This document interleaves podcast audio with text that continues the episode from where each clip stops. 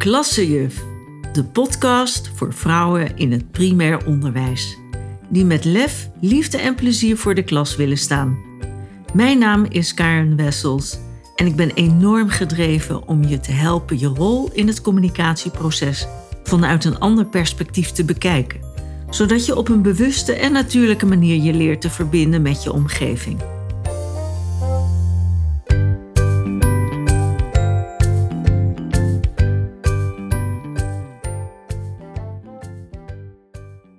Lang geleden verwoordde Aristoteles het zo. Er is maar één manier om kritiek te vermijden. Niets doen, niet zeggen en niet zijn. Ja, op deze manier is het onvermijdelijk om van tijd tot tijd kritiek te krijgen. Soms ook lastig om mee om te gaan. Maar op een moment dat je het verwacht, zoals een evaluatiemoment of een beoordelingsgesprek, ben je erop voorbereid. Zelfs dan kan het moeilijk zijn om te horen hoe anderen denken over je functioneren. Alleen omdat je weet dat het bedoeld is om er beter van te worden, kun je het accepteren.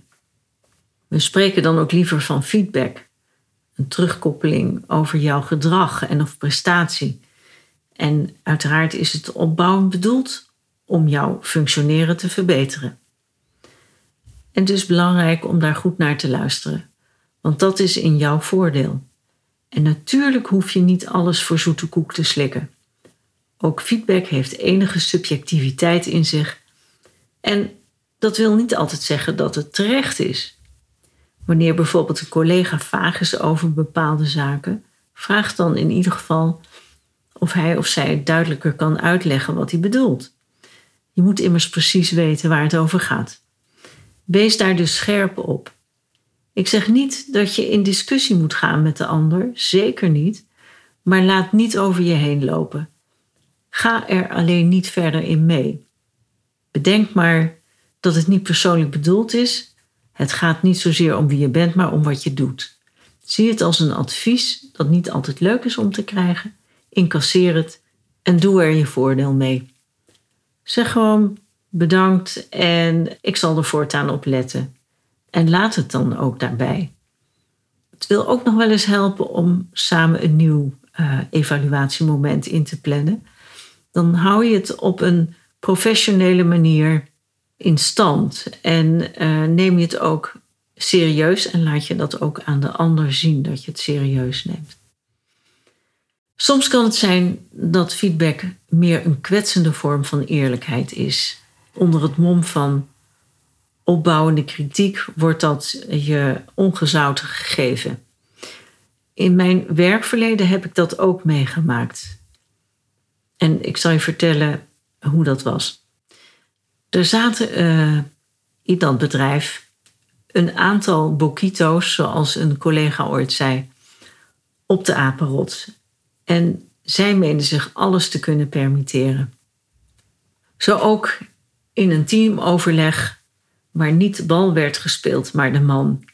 En in dit geval was ik dat. Mijn eerste reactie was boosheid, maar ik liet dat niet merken en bleef stoer en stoïcijns. Ik gaf mezelf als reden om de boel niet te laten escaleren, want daar was immers niemand bij gebaat.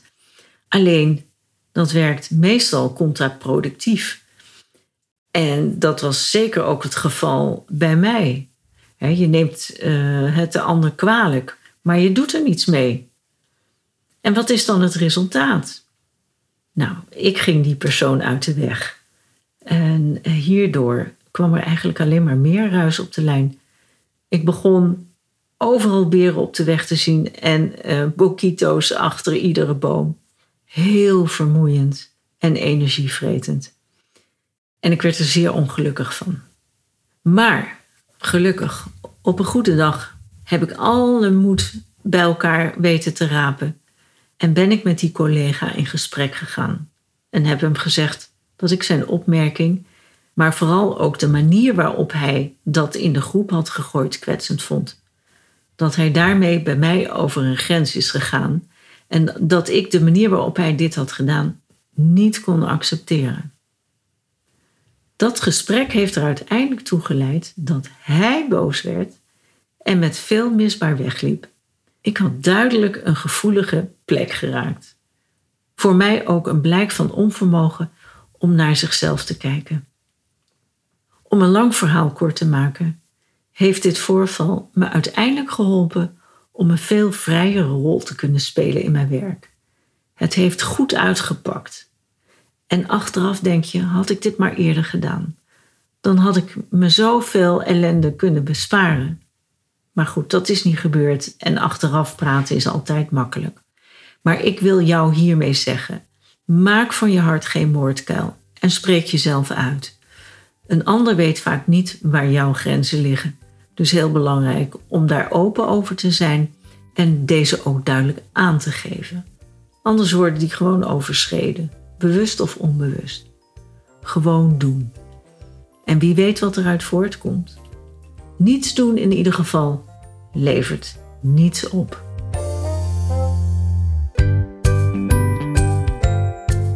Dank voor je aandacht.